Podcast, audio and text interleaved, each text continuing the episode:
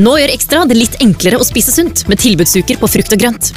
I hele januar får du annet appelsiner til kun 20 kroner kiloen. Og 500 gram mini plommetomater til 30 kroner. Gjør det billig og sunt hos Ekstra. Hør her, vinteren er en perfekt tid for lydbøker.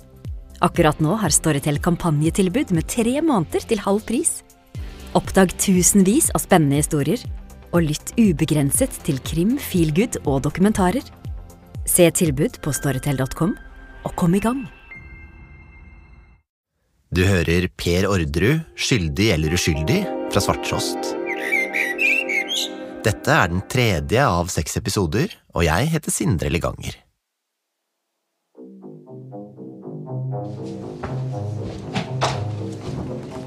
Foruten Kristin Kirkemos forklaring i retten om drapsplanlegginga på juleselskapet, så er det Lars Grønnerøds fortelling om et våpenbytte som mer enn noe annet dras fram som bevis på at Per er skyldig. En byttehandel der Per skal motta det som i dommen beskrives som drapsrevolveren. Retten er satt. På videoen fra rettssaken sitter Lars Grønnerød tilbakelent i stolen med svart jakke og hendene folda i fanget. Dommeren spør Lars om kontakten hans med Per Orderud. Hva var det han ville? Han ville ha et kraftigere håndvåpen. Fortellinga til Lars er altså at etter juleselskapet så skal Per flere ganger ha ringt til Lars og mast om å få et kraftigere våpen enn de to 22-kaliberpistolene, altså Rugeren og Lugeren, som Kristin sier at du leverte på lille julaften. Og ved en fleip så spurte jeg han om han ville ha en Uzi. Og da svarte han eh, ja, det ville han gjerne. Da ble jeg ganske forbauset, for da spurte jeg også hva skal du med det? Jeg Visste han hva slags våpen det var? Han visste hva slags våpen det var. Ja. Og da fikk jeg ikke noe svar. Øh, Etter det så fortsatte han å øh, mase på å få et kraftigere våpen. Hvor jeg øh, da sier ok, da skal jeg komme opp med den øh, 38 som jeg hadde selv. 38 som Lars hadde selv, det er altså en 38-kalibers Colt-revolver med kallenavnet Lillegutt. Når jeg kommer fram der, så er øh, både Veronica og Per øh, våkne. Og øh, vi går opp i det såkalte datarommet, som er opptrappen og inn til venstre. Der ber jeg om å få en avis, og jeg tar og skrur denne 38 fra hverandre og tørker den sånn at den er helt uten mine fingeravtrykk. For jeg vet ikke hva den skal brukes til, og jeg vil gi den fra meg helt i orden. Lars forteller at Veronica da går og henter de to 22-kaliberpistolene som Kristin leverte på lille julaften. Og etter at Lars har fått 4000 kroner for lilleguttrevolveren sin, så holder Per fram den her Ruger-pistolen fra juleselskapet. Lars skal få med den også. Ga han noen begrunnelse for det? Nei, han bare sa da kan du få den her eh, også med på kjøpet som takk for hjelpen. Per og Veronica har alltid nekta for at noe av det her har skjedd. Og da Lars blir konfrontert med det i retten, at Per og Veronica mener det han forteller ikke er sant, så lener han seg framover i vitneboksen og ser rett på dem. De lyver. De har mottatt våpen av Kristin og meg. Om de har brukt de eller andre, det vet ikke jeg. Og det er helt som det er på det rene, helt sikkert, er jo at de har mottatt den 38-kaliberen som er brukt til å drepe disse menneskene, som de har fått av meg. Det er jo bevist.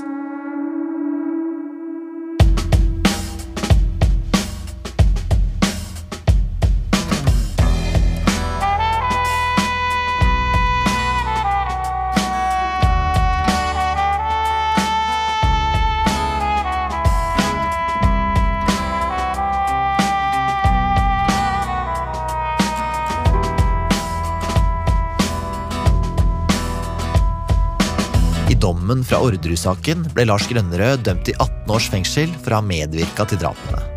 Det står at han har hatt en begrenset rolle, og at han, i likhet med Kristin, har blitt trukket inn i planlegginga av de grufulle drapene etter påtrykk fra Per og Veronica. Det er også et formildende moment, skriver dommerne. Lars ga tidlig etterforskerne et viktig bidrag til domfellelsen i saken. Det står at hans opplysning om prøveskyting med revolveren og hvor den hadde funnet sted, var helt avgjørende for å fastslå at hans revolver var et av drapsvåpnene. Og det er det vi skal ta for oss i denne episoden. Hvordan denne revolverskytinga til Lars utvikler seg til å bli et av Orderud-sakens viktigste bevis, og hvilke svakheter Tore Sandberg mener å ha funnet ved det.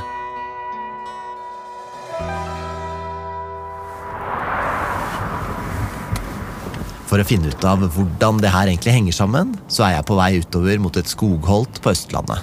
Ja, Morten, fortell hvor vi skal nå. Nå skal vi en tur til Vestengbrua. Eh, Det er i Enebakk. Morten det er Tore Sandbergs faste makker i gjenopptakelsesarbeidet. Jeg sitter på med han, og planen er å møte Tore, som kjører sin egen bil fra Lillestrøm. Og så er det ikke lenge til vi er på et lite sted som kalles Vestengbrua. Hva er det som skjedde der, da, som er relevant for Orderud-saken? Det er eh, politiet som eh, viser til at de har funnet et prosjektil som visstnok Lars skal ha prøveskutt her ute. Eh, Det var Lars som etter hvert fortalte at han hadde Jeg må ta den, ja. Jeg gjør det. Hallo, Hallo, ja. nå er det på høyttalerne. ja. Den avkjøringen, den er rett ved Krokpol. Ja, den skal være det. Ja. Uh, men da er den veien antagelig stengt. Morten svinger inn på en skogsvei, og foran oss ser vi bilen til Tore stående foran en veibom. Ja, jeg skal gå inn og se, jeg, Tore. Gi meg to minutter, så skal jeg bare sjekke at det er det her. At det ikke er det neste. Lite øyeblikk. I tillegg til å være Tores trofaste sparringspartner, så er Morten også en viktig praktisk medhjelper. Han er en hvithåra kar i midten av 60-åra, så han er ikke noe ungfole sjøl heller. Men sammenligna med Tore, så er han sprek som en gaselle. Tore hører dårlig, er tungpusta og svak til beins, og har også en rygg som tidvis går helt i vranglås. Så hvis f.eks. en haug av dokumentmapper skal flyttes, en ganske vanlig problemstilling i partnerskapet deres, så faller den oppgaven på Morten. Eller som nå, da Morten småløper innover skogsveien for å sjekke at vi er på riktig sted, mens Tore kuler den i bilen. Noen minutter seinere dukker Morten opp igjen med en tommel i været, og da åpner Tore bildøra og vipper seg ut. For å komme oss rundt veibommen må vi en tur ned i grøftekanten. Og da vi skal tråkke opp på skogsveien igjen, så hogger det til i kroppen til Tore. Jeg hjelper til litt her, eller? Går greit? Jeg begynner å bli gammel. vet du. Ja, hvor gammel har du blitt, Tore? Ja, nå har jeg passert Skal vi se Nei, jeg har ikke passert 79,5 ennå, men nærmer meg. Blir du noen gang lei av å jobbe og kunne du bare tenkt deg å slappe litt av da? Jeg jobber nok ikke like heftig som jeg gjorde. Da var det nesten på Morten-nivå med å bare jobbe gjennom natta, sette seg i bilen og kjøre inn til møtet i Oslo. Sånn er det ikke lenger. Vi kommer rundt en sving, og over en liten elv foran oss ligger det en bru med et skeivt nettinggjerde. Hit var det Lars Grønnerød leda politiet da de leita etter bevis mot Per. Nå ser vi bekken. Og så ser vi det området fra brua og bort dit. Der har sier han da at han har skutt. Her vi står, så er elva rundt ti meter brei. Og da Lars var her med politiet, så sa han at han hadde testa revolveren sin ved å skyte mot skogen på den andre sida. Det fikk politiet til å rykke ut med sag, spader og også en liten gravemaskin, på leiting etter det som gjerne beskrives som Orderud-sakens viktigste bevis. Han sto på den bredden her, tok opp revolveren sin og så skøyt mot noen eh, trær og stubber på andre sida. Ja, mot, det er jo en liten bakke, en liten skråning der. Og her Her ser vi jo Dette er bildet fra den gangen Ja. som ligger Og det må være det samme treet som vi ser der. Den grana er den samme der. Ja. Du har med en perm hvor det er printet ut bilder, Morten. Ja. Og det er for at du skal se hvordan det så ut før de begynte, hva, hvordan det så ut under de, den tiden de holdt på, og hvordan det så ut etterpå. Og det er bredden på andre sida vi ser på det bildet der. Ja, Da. Ja. Det er broa her, Ja, ikke sant? og så er det på den andre siden.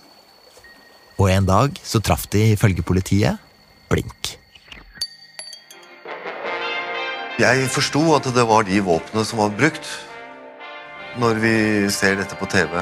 Tre mennesker funnet døde i Sørum. Politiet vet ikke hvem som tok livet av Anne Orderud Paust og foreldra hennes. I retten forteller Lars at med en gang han ser nyheten om Orderud-drapene på TV, så skjønner han at det må være pistolen fra juleselskapet og revolveren som han skal ha solgt til Per og Veronica, som har blitt brukt.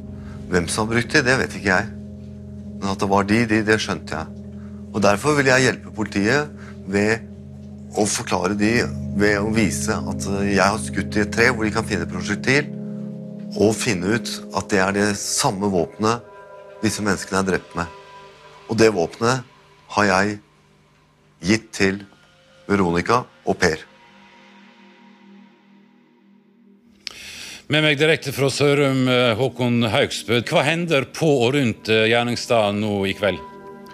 Inne i eh, enebostaden bak her arbeider Kripos eh, sine tekniske etterforskere med å finkjemme huset bit for bit på jakt etter spor, fingeravtrykk og lignende. Da politiet kom til kårboligen, så var det det her som møtte dem. På stuegulvet lå Pers mor Marie. I senga på soverommet lå faren Christian.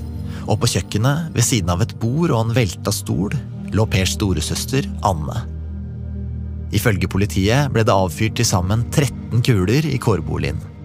Der tre av dem, ett for hvert av ofrene, var av størrelsen 38-kaliber, som altså passer med revolveren til Lars. Etter å ha analysert de her tre kulene, og så sammenligna dem med den ene kula som Lars Grønnerød hadde leda politiet til ved Vestengbrua, så fastslo politiet at de måtte være avfyrt av det samme våpenet. Altså Lars Grønnerøds lilleguttrevolver, som han mente at han hadde gitt til Per. Og bare når vi snakker om sånne her våpenanalyser igjen Tore har jo vært veldig kritisk til politiets analyser av det her tidligere.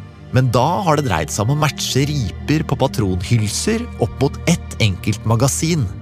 Nå dreier det seg om å se på om kuler kan være avfyrt av samme våpen. Og når kuler avfyres, så får de faktisk ofte gjenkjennelige merker fra at de passerer gjennom våpenløpet. Så her er ikke Tore like kritisk. Faktisk støtter Tores egen våpenanalyse fra Texas at kulene fra kårboligen og kula fra Vestingbrua er avfyrt fra det samme våpenet. Eh, Anne Ordre Paust ligger med hodet mot ytterveggen, delvis på sin venstre side. Hun er kun iført en morgenkåpe. Men nå kommer vi til det første som Tore stusser over ved det her revolverkulebeviset. For da teknisk etterforskningsleder Tore Per Bakken fra Kripos under rettssaken forklarte seg om hvordan ofrene hadde blitt skutt, så viste han fram bilder av kjøkkenet i kårboligen. Og der, ved siden av kroppen til Anne, så fant politiet et hakk i gulvet. Og pilen her viser til en skade i gulvet. Eh, Og i den skaden er det påvist eh, kobber og bly. Det vil si at skaden er påført gulvet gjennom en patronavfyring med et våpen kaliber 38. På skjermen i retten vises et bilde av hakket. Et ujevnt lite krater med blodflekker rundt. Bare knytte en liten kommentar til det. Da Anne Ordre Paust ble sikret og tatt ut og transportert til Rettsmedisinsk institutt, så ble det funnet et prosjektil kaliber 38 som lå løst mellom morgenkåpen og huden, og som da umiddelbart ble sikret der nede. Og det prosjektilet, det må da være det prosjektilet som har laget denne skaden i gulvet. Her er det fortellinga begynner å skurre for Tore Sandberg. For den kula som ifølge Kripos skal ha laga det her hakket i gulvet, den ble altså funnet på innsiden av morgenkåpa til Anne, like ved utskuddsåpningen på magen hennes, altså der kula kom ut etter å ha passert gjennom kroppen.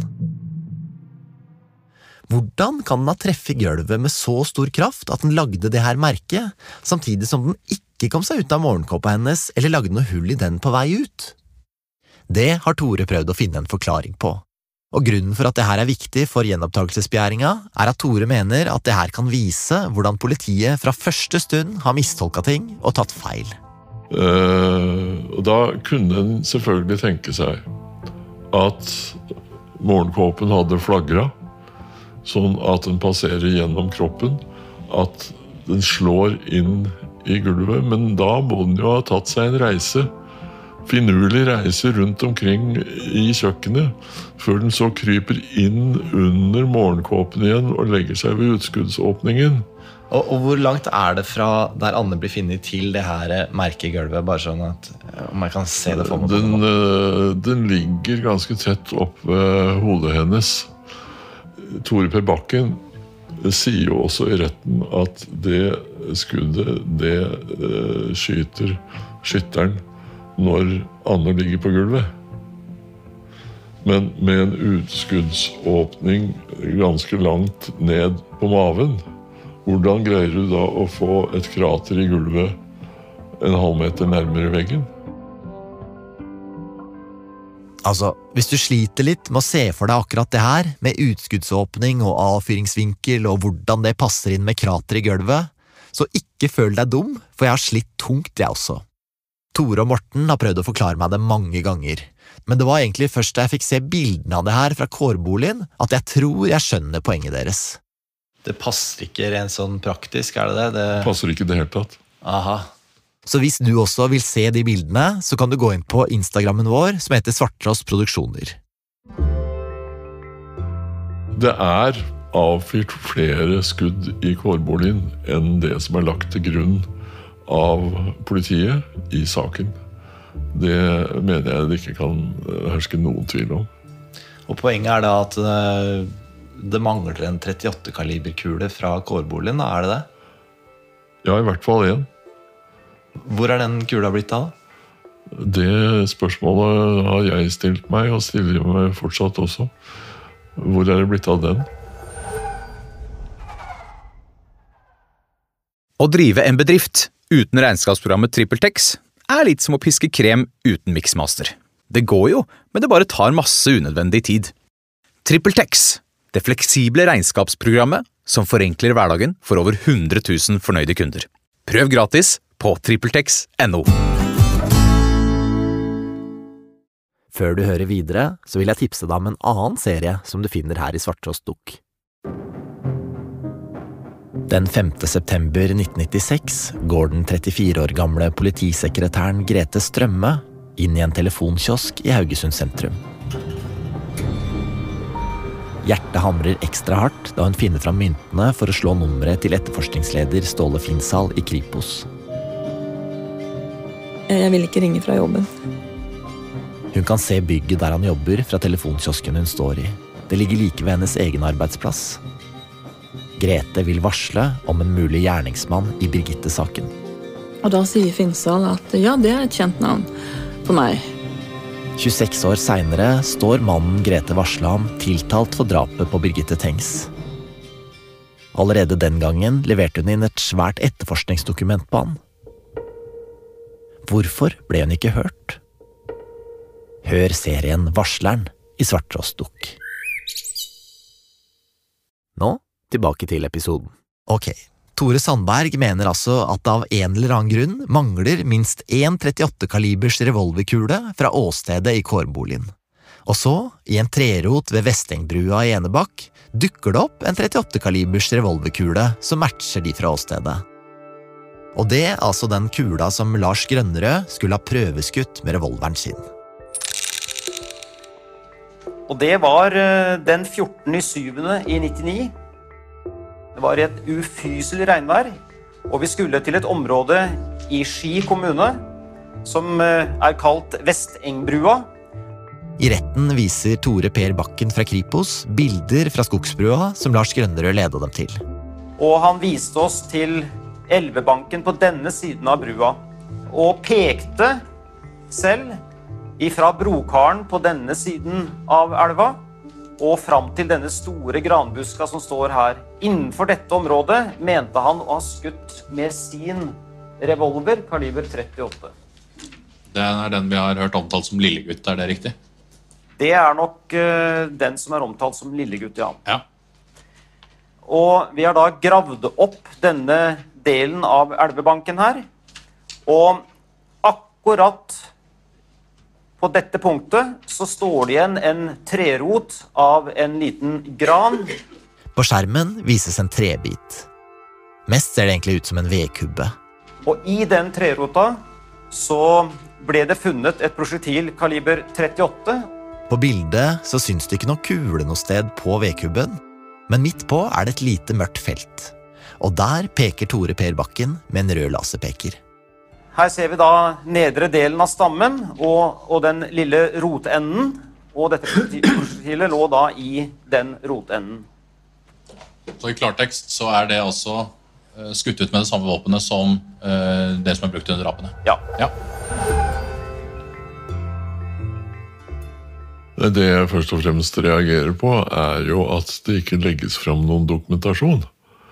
Retten får ikke se dette tre stykket. Det er et eh, foto, og ingen annen dokumentasjon enn at uh, Tore Per Bakken sier i dette trestykket så fant vi prosjektilet. Dette er jo da brukt som angivelig et svært viktig bevis. Da skulle vi jo eh, ikke bare tro, vi må forlange at det legges fram en skikkelig dokumentasjon for hvordan dette prosjektilet ble funnet. Og det eksisterer ikke. Så Tore, i kjent stil, bestemmer seg for å etterprøve det her kulefunnet i trerota. Han ber gjenopptakelseskommisjonen om å få rota utlevert fra politiet. Jeg var av den klare oppfatning at har det noen gang sittet noe prosjektil i dette trestykket, da må det eksistere spor etter det som ingen i retten har sett. Første gang Tore ber om å få undersøke denne trerota, er i 2020. Han hører ingenting. Ett år seinere spør han på nytt, og fortsatt ikke noe svar. Så går det enda et år, og i mellomtida har Tore fått kobla på advokaten Arvid Sjødin i gjenopptakelsesarbeidet. Så da ber Sjødin om at Tore får se de her trebitene. Og da, på en sommerdag i 2022, ringer det på døra hjemme hos Tore. Så dukket det plutselig opp en utreder fra Gjenopptakelseskommisjonen på mitt hjemmekontor på Kløfta, og trekker da opp en plastpose hvor det ligger fem trebiter. To av bitene kjenner Tore igjen fra bildene til Tore Per Bakken i retten, mens de tre andre har han aldri sett før. Da går jeg straks og ber om å få min kones serveringsfat, og legger disse bitene ut på fatet. Og gjennomfotograferer alle eh, bitene på alle sider av bitene. Hva, hva sa kona di til det, da? At du la masse tregreier på serveringsfatet? Ja, nei, hun er vant til meg, så det går greit. Selv om hun er veldig nøye på at ting skal være skikkelig. Så det ble rengjort etter eh, fotograferingen. Tore sier til utrederen fra Gjenopptakelseskommisjonen at hvis det har sittet en kule et eller annet sted inni de trebitene her, så må det finnes merker etter den. Så nå må de sammen studere bitene for å se om de kan finne noe. Vi var begge helt enige.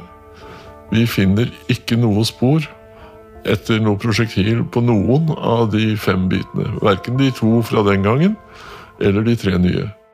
Jeg har prøvd å sjekke denne historien her med han utrederen, men han ville ikke si noe. Tore setter seg ned og skriver en rapport til Gjenopptakelseskommisjonen der han enda en gang ber om at kulefunnet i denne trerota undersøkes nærmere. Og da får han oversendt et dokument. Så kommer da nesten rosinen i pølsa, nemlig rapporten fra Tore Per Bakken. I august 2022 altså rundt 23 år etter at revolverkula ble oppdaga, den som beskrives som avgjørende i dommen, så har krimteknikeren Tore Per Bakken skrevet sin første detaljerte rapport om hvordan de faktisk fant den. Bakken skriver at politiet hadde lagra trevirke som de hadde tatt med seg fra Vestengbrua, på en henger som han hadde hatt stående hjemme i sin egen garasje. En dag hadde politiet fått lov til å komme til flyplassen på Gardermoen for å få det her trevirket gjennomlyst i en sånn sikkerhetskontrollmaskin. Og i en rotende av en gran viste gjennomlysninga at det fantes en liten ting av metall. Bakken skriver videre at trebiten med metallet i ble putta i en plastpose. Og så ble alt det her trevirket lessa på hengeren igjen og kjørt tilbake til Bakkens garasje. Og den kvelden, sammen med en politikollega, bestemte Tore Per Bakken seg for å kløyve trebiten for å se hva denne metallgreia egentlig var. De setter i gang, og ifølge rapporten så er svaret klart på slaget klokka 21.30. De har funnet en revolverkule. Jeg har spurt han politikollegaen som skal ha vært med på det her, om hvordan han husker det. Kollegaen har ikke svart. Hva er det du reagerer på her med, med den rapporten? Altså, Det går ikke an å drive politietterforskning på den måten. Er det sånn du skal foreta etterforskning av trippeldrap i Norge? At uh, vi tar med oss noen beviselementer uh, på den private hengeren, og så drar vi hjem til meg, og så Hvorfor skjer ikke dette i uh, et politilokale hvor alt blir skikkelig dokumentert? Det er det som er problemet, at det ikke fins noe bilder av det? Finns, ikke noe dokumentasjon? Dok det fins verken bilde eller rapport. Selvfølgelig skal bevis i en så alvorlig sak det skal dokumenteres så langt som det er mulig. Det skal være mulig å etterprøve og ettergå. Og når du ikke tar et bilde, når du ikke skriver et komma i en rapport, så er det selvfølgelig ikke mulig å ettergå. Har du sett noen forklaring fra Tore Per Bakken på hvorfor det ikke ble laga noen ordentlig rapport på det? back in the days? Jeg har ikke sett noen uh, forklaring på hvorfor han ikke uh, lagde rapport den gangen. Jeg har spurt Tore Per Bakken om det, og han har heller ikke svart. Så da spurte jeg statsadvokat Sturla Henriksbø også. Det er han som holder i Orderud-saken fra påtalemyndighetens side nå, og Henriksbø sier at funnet av kula ved Vestengbrua blei beskrevet tilbake i den gamle etterforskninga, men ikke på noen detaljert måte. På spørsmål om hvorfor et så viktig bevis ikke ble dokumentert detaljert, så svarer han at det her dreier seg om små detaljer som han forstår at ikke ble ansett som relevante nok for å skulle beskrives i detalj. Etter å ha fylt konas serveringsbrett med trebiter, skrev Tore til gjenopptakelseskommisjonen at han ikke hadde funnet noe sted der kula kunne ha sittet. Da tok kommisjonen også kontakt med politiet og ba dem vise akkurat hvor det var kula satt. Politiet undersøkte da trebitene på nytt. Og Der finner de angivelig en uh, skade på en av de fem bitene. Det helt merkelige er jo at da jeg fotograferte den samme biten et par måneder i forveien. Da var det ikke noe spor av noe skade der. Men selv om politiet nå fant en skade etter det de mente var en kule, så var det et problem. For i den skaden så var det spor av bly. Mens denne revolverkula besto av kobber i tillegg. Så hvis det var der den hadde ligget, hvorfor var det ikke kobberspor der også? Tore lurte på det. Og da viste det seg at de trebitene som Tore hadde fått se og ta bilder av, likevel ikke var hele rota. Det fantes enda en trebit hos politiet som de hadde glemt å sende med i plastposen da Tore skulle få se på dem. Og da politiet undersøkte denne bortglemte biten, så viste det seg at der fantes det et lite sted med spor etter både bly og kobber. Altså at en 38 kalibers revolverkule kunne ha sittet der. Hvis jeg forstår det her rett, så er forklaringa da at kula kanskje kan ha passert gjennom det her første stedet med spor av bly, og så endt opp på det andre stedet der de fant kobber. Tore fikk tilsendt noen bilder der alle de her seks bitene av trerota var satt sammen. Eller forsøkt satt sammen, er kanskje bedre å si, for på bildene er de surra sammen med strikk, og et sted har politiet også klemt inn papir for å fylle ut en svær glipe. Tore mener at selv om politiet endte opp med å finne det de mener er kulespor på den siste trebiten, så holder ikke det, siden akkurat den biten aldri ble verken vist eller lagt fram i retten. Ja, det vi vet nå, det er faktisk at de to trebitene som uh, Tore Perbakken viste frem bilde av i retten, der er det ikke noe spor. Altså Der han pekte med laserpennen sin, der har det ikke vært noe prosjektil. Det er falsk forklaring. I januar 2023 anmeldte Per Orderud krimteknikeren Tore Per Bakken for falsk anklage fra jugd i retten og fra fabrikkert et falskt bevis. Anmeldelsen ble henlagt uten etterforskning. Per klaga på det til Riksadvokaten, og i august 2023 ble det bestemt at klagen ikke tas til følge. Tore Sandberg mener det skyldes at hvis Bakken skulle endt opp med å få noen slags straff for det her, så ville det vært en så solid trøkk i bevisgrunnmuren mot Per at hele Orderud-saken var nødt til å gjenopptas. Og nå har også Per klaga videre til Justisdepartementet, så hvordan den saken her ender til slutt, er ikke helt godt å si. Men ok, det trestykket han viste bilde av, så satt kanskje ikke prosjektilet der. Det satt på en litt annen del av det som, eh, som det ikke ble vist bilde av i retten. Men er det så farlig om liksom, han viste med laserpekeren sin akkurat på der det satt eller ikke? Liksom? Altså, hvis, hvis, det uansett ble funnet i en del av trestykket, liksom?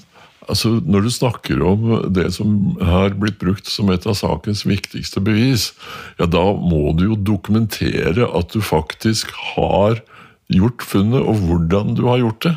Og det fins det altså ikke fjæra av uh, informasjon om. Er dette riktig? at det er funnet prosjektil fra Vestengbrua? Eller kan det være funnet fra et annet sted?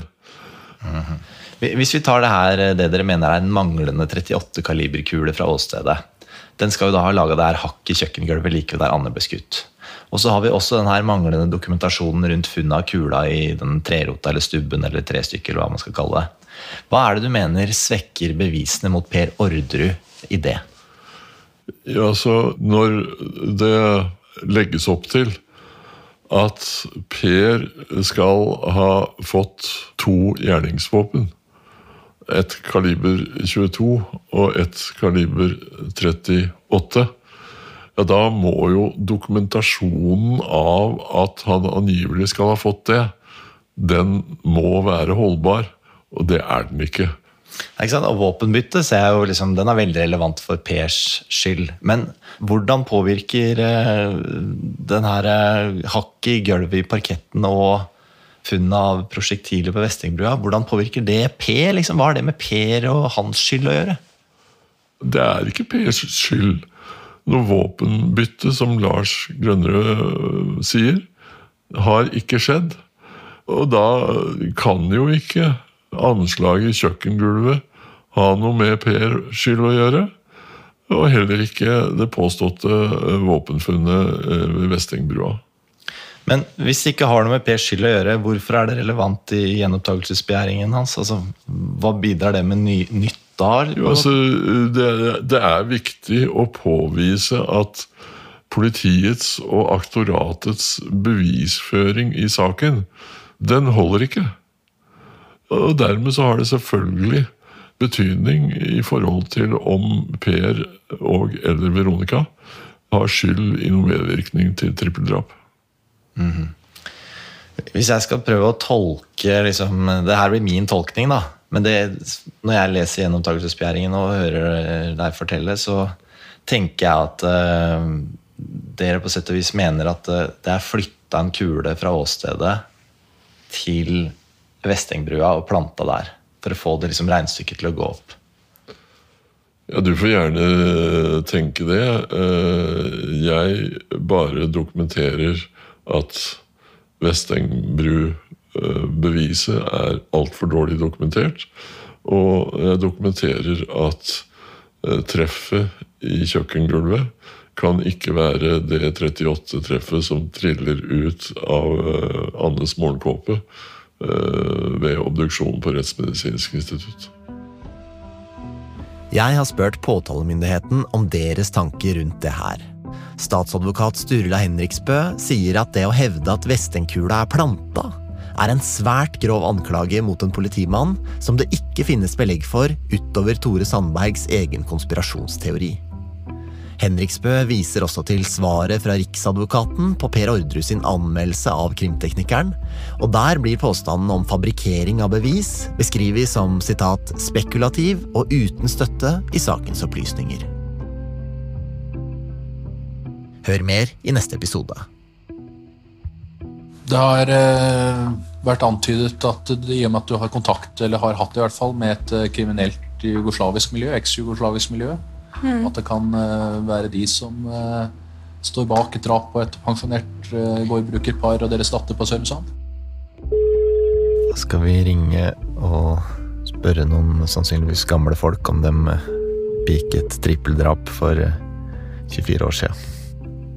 Og det er der det har kommet treff nå som matcher DNA-et til Kristin Kirkemo.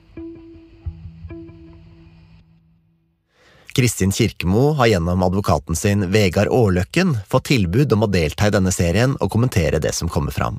Det ønsker han ikke. Advokaten hennes skriver at Kristin Kirkemo har forklart det hun har å si om saken i gjentatte politiavhør i tingretten og i lagmannsretten. Hun har ikke noe å tilføye utover dette. Hun har sonet sin straff og er ferdig med saken. Om du har spørsmål til Tore Sandberg eller Per Orderud, så kan du sende dem til meg, så skal jeg se hva jeg kan gjøre. Du når meg på sindre at svarttrost.no, eller gjennom Facebook-sida vår Svarttrost Produksjoner. Hvis du har lyst til å høre flere episoder av denne serien, kan du bli abonnent på Svarttrost Dok. Det gjør du ved å trykke på abonner-knappen i Apple Podcast-spilleren. Der får du også tilgang til episodene uten annonser. Eller hvis du hører gjennom Spotify eller andre plattformer, så kan du følge lenka i episodebeskrivelsen. Per Orderud, skyldig eller uskyldig, er laga av meg, Sindre Liganger, på Svarttrost. Musikk og lyddesign ved Nils Jakob Langvik. Og redaktør er Kari Esthamar.